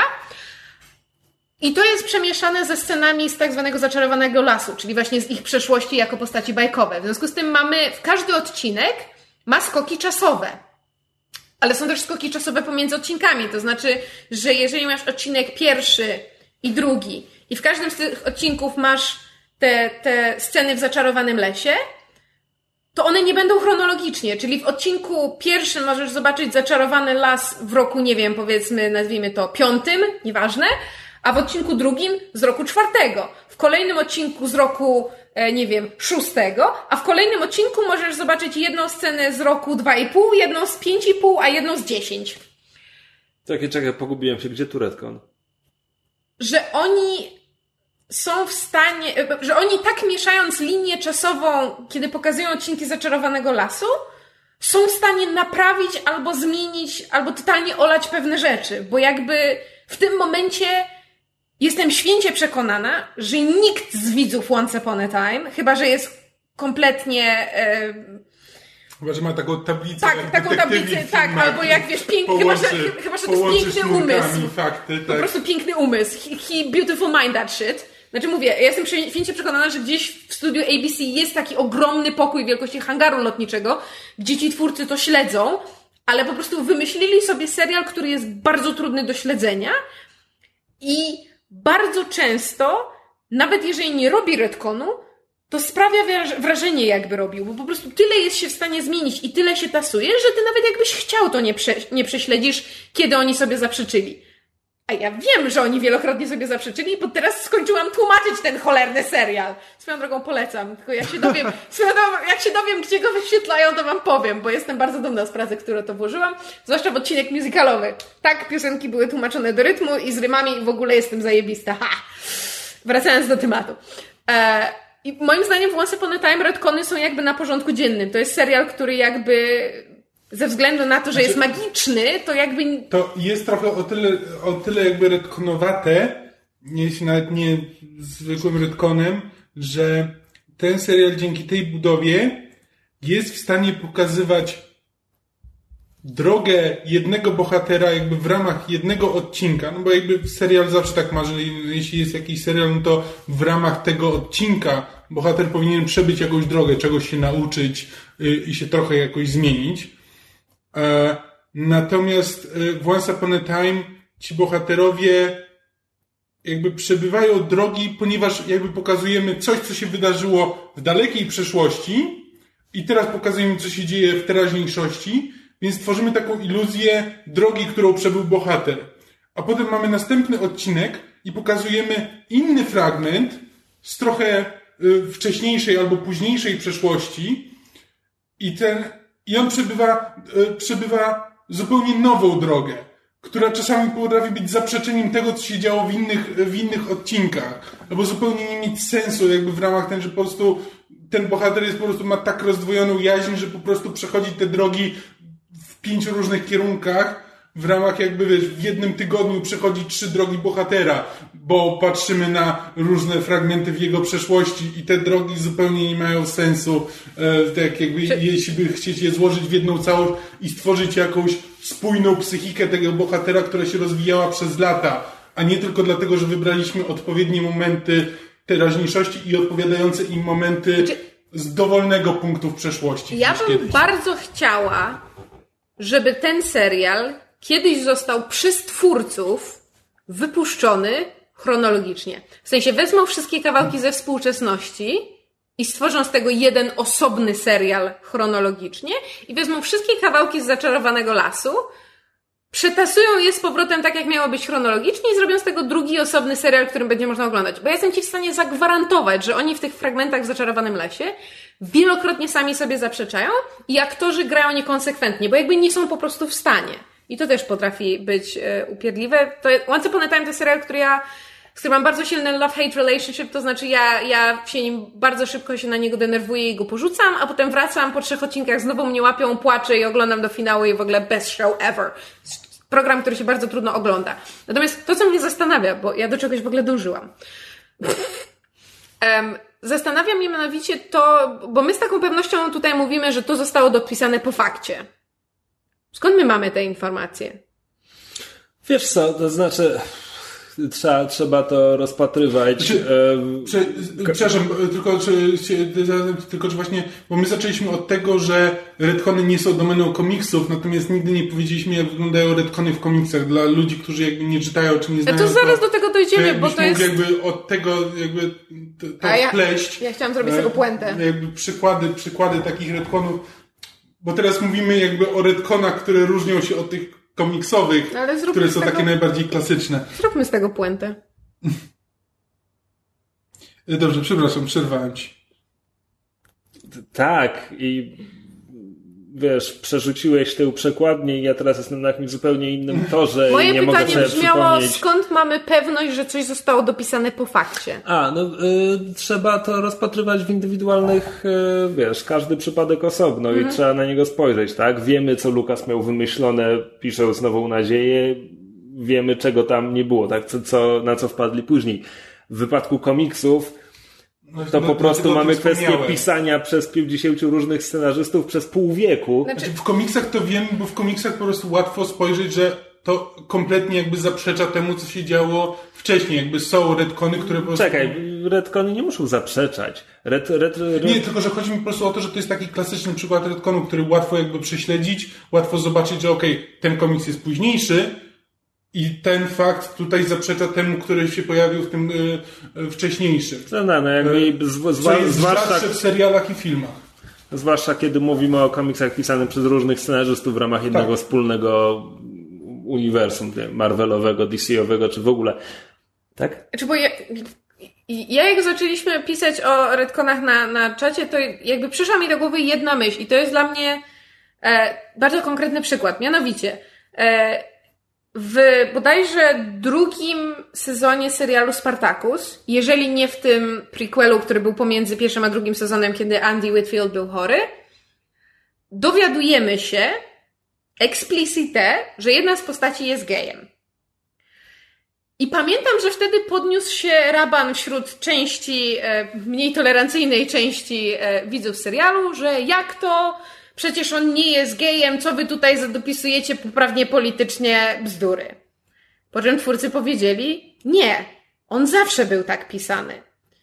I jakby rzeczywiście, jeżeli się cofnąć i prześledzić serial, ten, ten pierwszy sezon, to można zauważyć, bardzo subtelne, znaczy dla kogo subtelne, dlatego subtelne, sceny, w których jakby, w, w których nie jest powiedziane, w których postać nie mówi eksplicite o swoich uczuciach do mężczyzn, ale na przykład widać jak na nich patrzy. Że na przykład w ogląda się za, za nagimi mężczyznami, jakby wzrokiem, nazwijmy to, doceniającym. I teraz jest pytanie, czy to jest jakby, wiesz, moje pytanie brzmi, czy to jest jakby przypadek i nadinterpretacja, że właśnie te subtelne spojrzenia można w ten sposób zinterpretować, w związku z tym twórcy potem to dopisali? Czy to rzeczywiście było zaplanowane od początku? No bo twórcy mówią jedno, ale jakby nie udowodnisz tak czy inaczej. I się zastanawiam, jak to jest właśnie w tego typu sytuacjach, bo... Znaczy, wiesz co, no jeśli twórcy mówią, że to było zaplanowane i w pierwszym sezonie nie ma czegoś, co by temu przeczyło, mhm. w sensie, nie wiem, zbliżenia tego bohatera z jakąś kobietą, tak, która by sprawiała, że jeśli potem jest przedstawiany po prostu jako gej, no to wtedy zadajemy sobie pytanie, ok, jeśli znaczy serial miałby obowiązek... Chciał, a może jednak powinien być biseksualistą, a nie? Znaczy serial miałby obowiązek poruszyć temat, dlaczego tamta scena miała miejsce i co to znaczy, nie? Tak. Powiedzmy. Tak. No właśnie, bo po prostu się zastanawiam, um, na ile to właśnie, to taka pewność pod tytułem to zostało dopisane po fakcie wynika z tego, że jesteśmy w stanie udowodnić, że w oryginale było inaczej, a na ile to wynika z tego, że twórcy chcą albo są w stanie otwarcie przyznać, że y, hej, miało być inaczej, ale żeśmy to zmienili. Bo jakby wychodzę z założenia, że mało kto chciałby to przyznać. To znaczy twórca raczej zawsze będzie szedł zaparty, że nie, nie, ja tak miałem od początku. Bo... Znowu nam zależy od twórcy. Tak, spójrzmy na twórców Westworld. Mieliśmy o tym segment w odcinku. No dobrze. Nie ważne. E, nie ważne, nie ważne. Znaczy, nie dokładnie o to chodzi, ale mhm. niektóry, niektórzy twórcy otwarcie przyznają, że zmieniają pewne rzeczy, bo powody.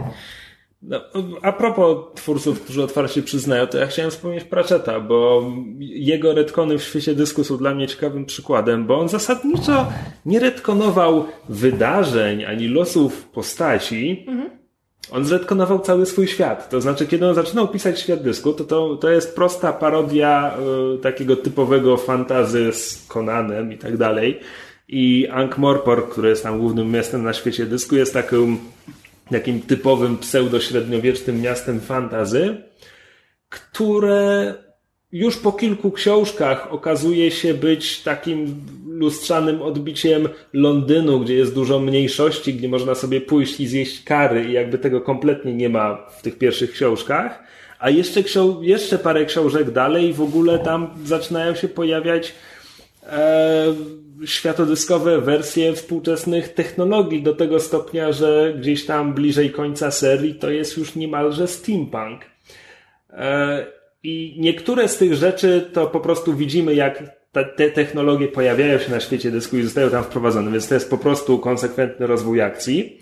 No ale inne rzeczy, po, prostu samo to, że Ankh-Morpork w pewnym momencie zaczyna być opisywany bardziej jak XVIII czy nawet XIX wieczne miasto, czy bardzo konkretnie Londyn, e, i, i mamy pisane, że jest takie od dekad, jeśli nie stuleci, e, mhm. ewidentnie stoi w sprzeczności z tym, co jest w tych pierwszych książkach, tak? Więc to jest absolutnie retcon. Retcon jak ta lala. E, I Pratchett zresztą mówił, no, że pomysły mu się zmieniały i, i w ogóle. A potem napisał książkę, w której czas się psuje i zostaje złożony, załatany byle jak i, i to dlatego tam się rzeczy nie zgadzają. Wiesz, mhm. rozumiesz? Rozumiem.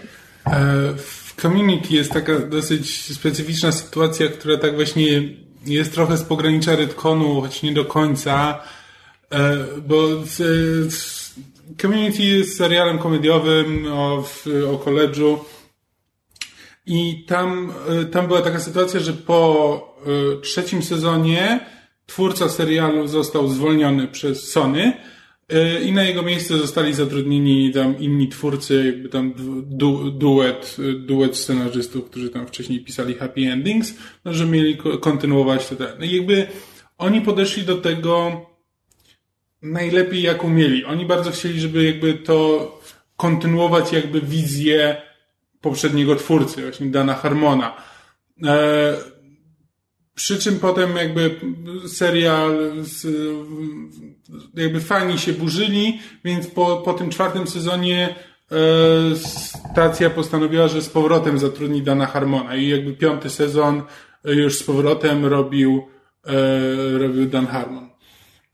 I właśnie jakby ja, ja, ja, ja słuchałem jego podcastu i tam on on nawet na, jakby na, na antenie się jakby zastanawiał, że jeszcze nie wie, co ma zamiar zrobić e, w związku z tym, bo on jakby miał zupełnie inną przewidzianą drogę dla tych bohaterów niż to, co zrobili, e, niż to, co zrobili ci twórcy, którzy go zastąpili. E, w tym na przykład to, że on jakby moment, w którym Jeff spotyka ojca, ponieważ dla Dana Harmona w ogóle jakby kwestia, jakby motyw spotkania z ojcem i jakby jego relacja z, relacja jego postaci z ojcami jest ważnym elementem i jakby on zawsze podchodzi do tego poważnie, on zupełnie to inaczej widział, a ci twórcy zrobili to za niego zupełnie inaczej, e, no to jakby tak wiesz, tak się długo zastanawiał, że okej, okay, że może po prostu powie, że, że w szkole był wyciek gazu i że to się nie wydarzyło. E, jakby potem, potem oczywiście jakby postanowił, że no pociągnie to dalej, przy czym jakby ignorując nie tyle wydarzenia, co jakby drogę, którą przebyli jakby trochę wracając do tego, co było w trzecim sezonie, pomijając trochę to, co było w czwartym i tam w którymś momencie, je, w, w którymś momencie nawet jedna z postaci mówi, że e, ale, ale tam inaczej się zachowywaliście właśnie wtedy, wtedy i wtedy. A nie, to było podczas tego roku wycieku gazu, to się nie liczy. E, jakby tam, I to jest taki, taki dziwny właśnie, że z jednej strony to jest wszystko jakby, jest kontynuacja, ale właśnie, ale takie drobne rzeczy jakby to, że droga bohatera nie do końca jest trochę wyboista i nie do końca się pokrywa. Ale z drugiej strony w wielu innych serialach to się po prostu dzieje, nawet jeśli jest jeden twórca, to po prostu trochę się gubi w tym, jak prowadzi postać i nagle się okazuje, że jakby ta droga nie ma sensu, że postać się cofa, a potem wraca do innego punktu i tak dalej. Więc to jest takie Okej, okay? nie Ale wiadomo jak to traktować. To nie jest jedyny, jedyny przypadek, kiedy zmiana twórców y, wywoła retcon, bo dopiero teraz mi przyszło do głowy, bo to nie jest serial, który ja oglądam, ale y, wiem, że coś takiego nastąpiło. Gilmore Girls. Przecież Gilmore Girls, ostatni sezon, um, robił kto no tak. inny niż Amy Sherman Palladino, jeżeli dobrze kojarzę jej nazwisko. I zakończył serial po swojemu, w taki sposób, w który Amy go jakby miała zupełnie inny pomysł. W związku z tym teraz, kiedy była ta czteroodcinkowa miniseria, to oni jakby totalnie olali ostatni sezon mm. i, i kontynuowali to, co ona chciała, jakby zakończyła serial po swojemu. Abstrahując od tego, jak e, ludzie różnie reagowali na ten, na ten, e, na tę miniserię, e, to, to jakby to jest właśnie przykład retconu związanego ze zmianą twórców. Jak na przykład nigdy nie zobaczymy obcego, no tego... Nila Blomkampa? Tak, Blomkampa, bo on też miał zamiar jakby zrobić to samo, że jakby zostawić tylko wydarzenia z, z, pierwszego, z pierwszych dwóch części i olać trzecią i czwartą. A z kolei gra Alien Isolation ignoruje wszystko, co się wydarzyło po pierwszej części. Jakby po prostu dzieje się po pierwszej części jakby e, ignoruje no, no, istnienie tak, wszystkich pozostałych. Po prostu ma akcję umieszczoną pomiędzy pierwszym i drugim filmem, więc te wydarzenia w tym wszechświecie jeszcze się nie wydarzyły. Czy... E, Ripley była przecież w hibernacji przez kilka Tak, ale że gdybyś chciał traktować to jako spójne uniwersum, to się nie da. Aha, okay. Nie da się traktować, że jakby, że najpierw był obcy 1, potem był Alien Isolation, a potem był obcy 2, bo jakby, y, bo się po prostu kompletnie rozjedzie. Czy myślicie, że dyskusyjnie w Bondach gdzieś są redkony? Filmowych? To jest jeden wielki redkon, bo tam masz wiesz, postaci, które jakby są cały czas takie same, niezależnie od tego, jakie są czasy. E... Niezależnie od tego, kto ich gra. Tak, tak, no jakby Bond jest nieśmiertelnym agentem, który od lat 60 E, funkcjonuje razem z tą samą ekipą. Tak, i, i, hmm. Bond, i Bond jest zawsze jedną i tą samą postacią graną, tylko przez różnych e, aktorów i to absolutnie nigdy nie jest kryptonim. Nie licząc tego momentu, kiedy e, George Lazenby mówi do kamery That never happened to the other fellow, mając na myśli Shana Connerego. Jak ja lubię w Tajnej Służbie Królewskiej Mości. O tym też mieliśmy odcinek pokazać. Natomiast czy Bond ma takie retcony po prostu jako znaczy, retcony? Znaczy, bo nie, bo na przykład zastanawiam się, próbuję sobie przypomnieć, czy oni w którymś z tych nowszych Bondów, e, znaczy nowszych mam na myśli też Pierce'a Brosnana, czy oni olewają Teresę, żonę Bonda? No, Teresa po raz ostatni nagrobek Teresy pojawia się w pierwszym filmie z murem. Murem. I potem zasadniczo... Nie, po prostu zastanawiam się... No, ale jakby Craig- Casino, Casino Royale jakby to kompletnie jakby Casino ignoruje Royale, wszystkie Casino Royale jest restartem serii. No Tak, właśnie. więc to jakby... Pomimo tego, że Judy Dench wciąż gra M. Tak, bo Tak, Logic. ale właśnie to jest, red, to, to jest retcon właśnie, bo z jednej strony, bo to miał być jakby, to miał być reboot Casino Royale, po czym e, no, Skyfall nam sugeruje, że nie, jednak nie było żadnego rebootu, to jest wciąż jakby ta sama wersja Bonda, co zawsze przez lata, czyli po prostu No tak, taki no trochę bez, bezwieczny e, agent w ten i Highlander. i jakby z jednej strony wszystko, co się tam wydarzyło, no to tam ma jakieś tam się gdzieś tam pojawiają jakieś wzmianki tak, na ten tak, temat, tak, no jeździ, nawiązania. jeździ Aston Martinem z, z nie wiem, Tak. któregoś Bonda Connerowego i tak dalej. Więc Bondy nie tyle mają retcony, co po prostu nie mają sensu. Niekonsekwencje, tak. Dobrze, ale przejdźmy do meritum może. To znaczy do komiksów. Tak, bo chciałam z tego uczynić puentę, no bo jakby mimo wszystko w komiksach to jest najbardziej chyba em, bezdyskusyjne, nachalne i nadużywane, rzekłabym. Tak, prawdopodobnie tak. Któraś scenarzystka komiksowa, wydaje mi się, że Gail Simon, ale nie jestem stuprocentowo pewien. E, w każdym razie któraś z dobrych scenarzystek komiksowych powiedziała kiedyś o retconach, że retcon jest dobry, jeśli bierzesz coś, co zostało napisane kiedyś i wykorzystujesz to, żeby napisać nową historię, która nie przeczy tamtym, tylko po prostu nadbudowuje do niej. Czyli to jest właśnie ad- adjusting, a nie... To znaczy, zobacz, no bo taki em, bardzo klasyczny przykład retconu i to takiego, który się bardzo dobrze sprawdził, znakomicie wręcz, No, to jest Cable. Bo jak spojrzymy sobie na, na czas ukazywania się komiksów i kiedy postać debiutuje, no to nominalnie musimy powiedzieć, że w pewnym momencie Scott Summers ma dziecko z Madeline Pryor, nie wchodźmy w to, kim ona jest, które nazywają, e, chyba wtedy nazywali go Christopherem. Mniejsza z tym. chyba tak. Po czym parę lat później New Mutants dostają nowego nauczyciela i to jest Cable i wiemy o nim tylko, że ma mechaniczną rełkę i jest twardy i fantastyczny i w ogóle i zrobił go Rob Liefeld, który myślał o tym, żeby narysować postać, która będzie miała metalową rełkę i będzie twarda i będzie fantastyczna, bo to jest zasadniczo o mój Boże, widziałem ostatnio, przepraszam, dygresja, widziałem ostatnio kawałek programu telewizyjnego ze, Ze Stanem Lee, Lee. gdzie Rob Liefeld i jeszcze jakiś twórca komiksowy Ten mają zaprojektować Jak Todd? McFarlane. Todd McFarlane. Mają zaprojektować i stworzyć na oczach widzów i kamery nową postać komiksową od podstaw. I Rob Liefeld zaczyna rysować gościa z metalową rełką i Stan Lee go pyta, e, wymyślają mu jakieś imię, nie pamiętam jakie, Overkill. być może. I Stan Lee... Przepraszam, e, nie, a propos tylko tego, over, e, on- oni go nazwali Overkill, a później e, Liefeld albo McFarlane, któryś z nich stworzył właśnie nową postać cyborga z mechaniczną ręką, nazwał go Overkill.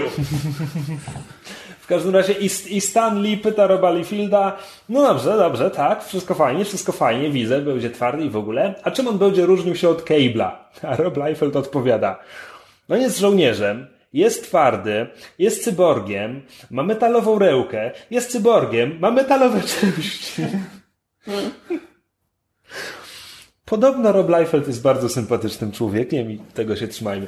Dobra, więc e, wracając do tego timeline'u. Więc Rob, Rob Liefeld tworzy Cable'a i oni tak sobie egzystują w komiksach. Gdzieś tam Scott y, i w tym momencie już Jean Grey, bo nieważne co się stało z Madeline Pryor, będziemy tu siedzieć do waszego ślubu jeszcze później, jeśli zacznę to teraz tłumaczyć. E, wychowują sobie małego Christophera, a gdzieś tam Cable dowodzi swoimi New Mutants, którzy w tym momencie są już swoim X-Force i w ogóle. A potem jest historia e, bodajże Ex-Cassoner's Song, Executioner's Son. być może Pisane przez X. Nie, bo czytałam. w trakcie której dzieją się rzeczy, Wiele rzeczy. Wiele rzeczy i między innymi Cyclops musi e, oddać swojego synka e, jakiejś przypadkowej lasce, która wypadła z portalu czasoprzestrzennego i mówi słuchaj, zabiorę go do odległej przyszłości, bo on tam przeżyje, bo synek został zarażony ciężką chorobą. Wirusem. Tak, tak, technowirusem. No i Cyclops to robi. A, Wyrodny tata. a historia ma w tym momencie jeszcze wątki poboczne i jakby gdy ta historia się kończy, już nikt absolutnie nie ma żadnych wątpliwości, że ten mały Christopher, którego właśnie wessało do przyszłości, to jest niemowlęca wersja tego Cable'a, który siedzi tutaj i w ogóle biega z nami od paru lat. I to jest absolutny retcon, tak? Bo dziecko Cyclopsa zostało stworzone przez Chrisa Claremonta po prostu jako dziecko, bo ma mieć dziecko. Cable został stworzony przez Roba Liefelda jako twardy gość z metalową ręką, który będzie twardy.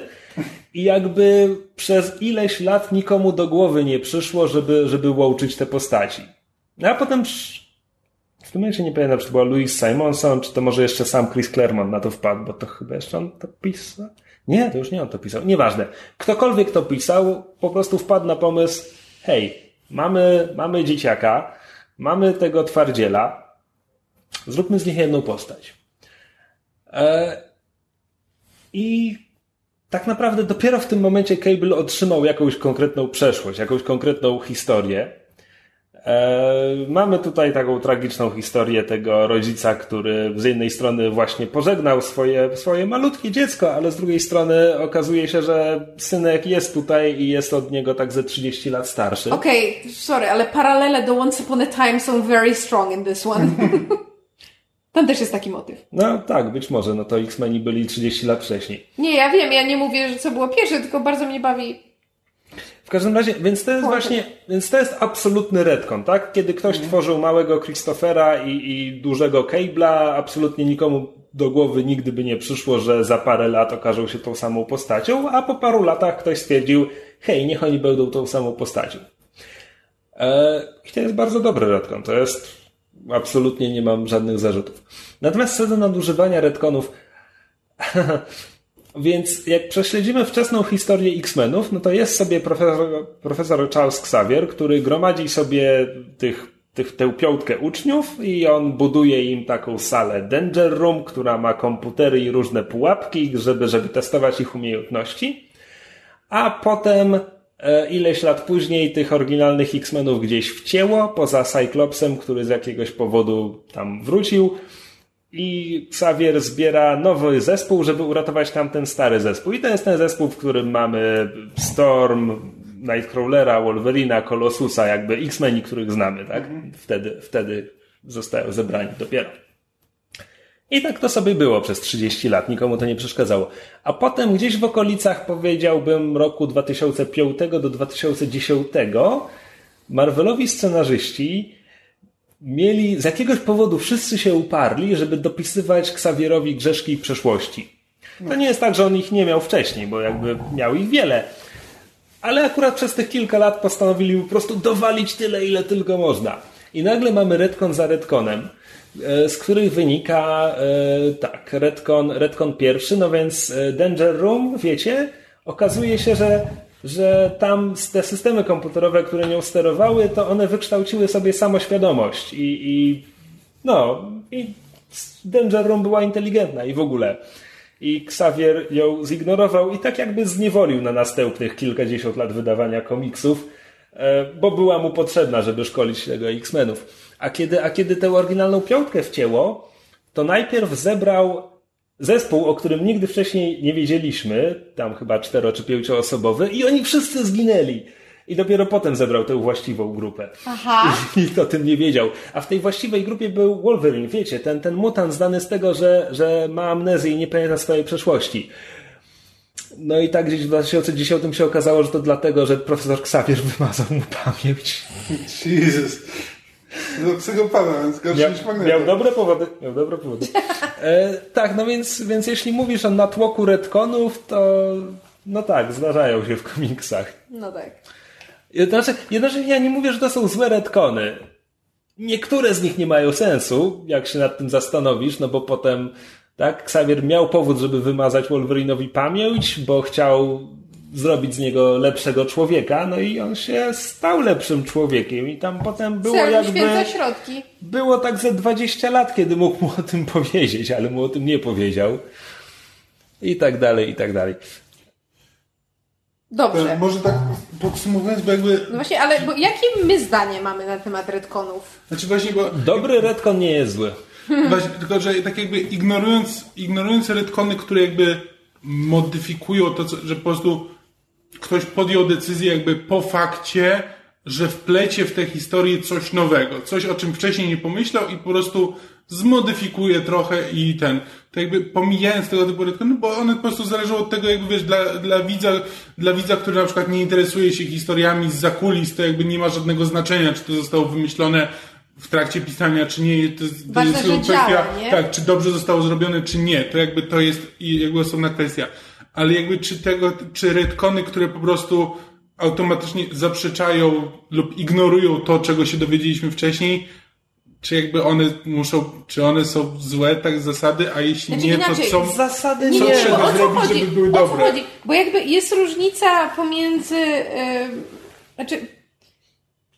Dla mnie e, różnica jest zasadnicza. To znaczy, czy retcon, który, który, który następuje, moim w moim odczuciu naprawia coś.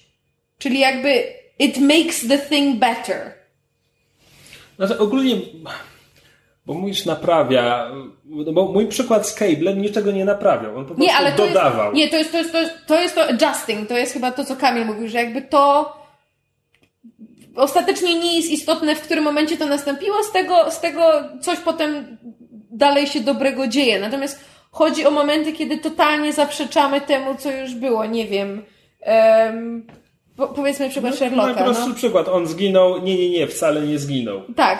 Jakby, jeżeli w moim odczuciu koniec bohatera nie był, nie wiem, zasłużony, słuszny, dobrze zrealizowany, cokolwiek, i potem dostaje retcon, który jest jeszcze na dodatek dobrze zrobiony, no to spoko. Czyli jakby, jeżeli w moim odczuciu retcon w jakiś sposób ulepsza albo poprawia jakość tego, co, co wcześniej doświadczyłam, nieważne jaka była wyjściowa jakość tego, tego oryginalnego produktu, to spoko. Natomiast problem się, problem się pojawia w momencie, kiedy nawet nie obiektywnie, tylko zazwyczaj w naszym subiektywnym odczuciu Redcon coś psuje.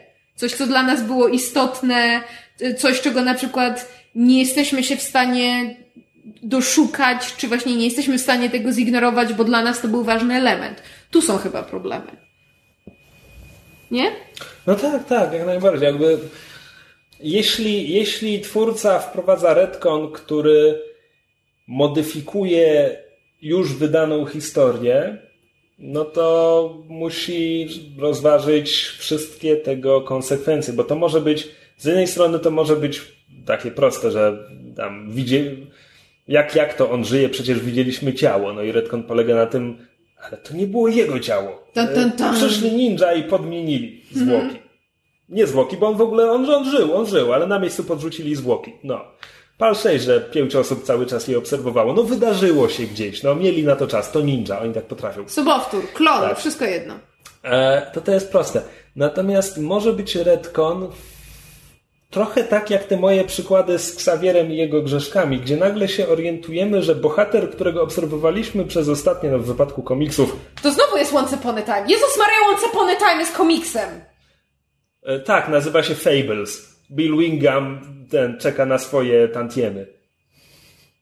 E, Re reklamacje do ABC, czyli Disneya. W razie czego.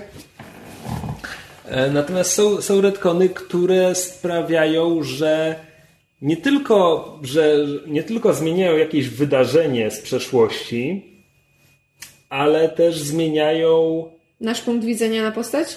albo w ogóle jej charakter. Na- Nagle się okazuje, że ktoś, kogo mieliśmy za bohatera, tak naprawdę jest zły.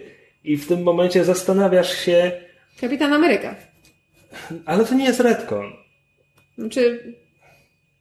Do pewnego momentu Nie, był... nie, nie, nie, nie, to jest wszystko ciągła historia z Kapitanem Ameryką. To jakby Okej, Secret Empire jeszcze się nie skończyło. Jak się skończy, będzie można powiedzieć do końca, ale to w tym momencie to nie jest retcon. okej, nie, bo wydawało mi się. To jest to jest osobisty retcon. To jest retcon tylko w jego głowie. Nie, nie w historii świata. A... Okej, znowu znalazłem się na innym, na innym torze. To, tutaj jest ten wagon z pięcioma osobami. Jeśli nie zmienię tego pociągu z hypem, to on się w niego zderzy i Mówiłeś Eee. o Xavierze i o zmienianiu charakteru postaci. No tak, no bo nagle. Inaczej, mam, mam, mam prostszy retcon i sięgniemy do Gwiezdnych Wojen w tym celu. E, W Zemście Sithów, na sam koniec Zemsty Sithów, Bail Organa mówi hej, wykasujcie pamięć tego droida protokolarnego.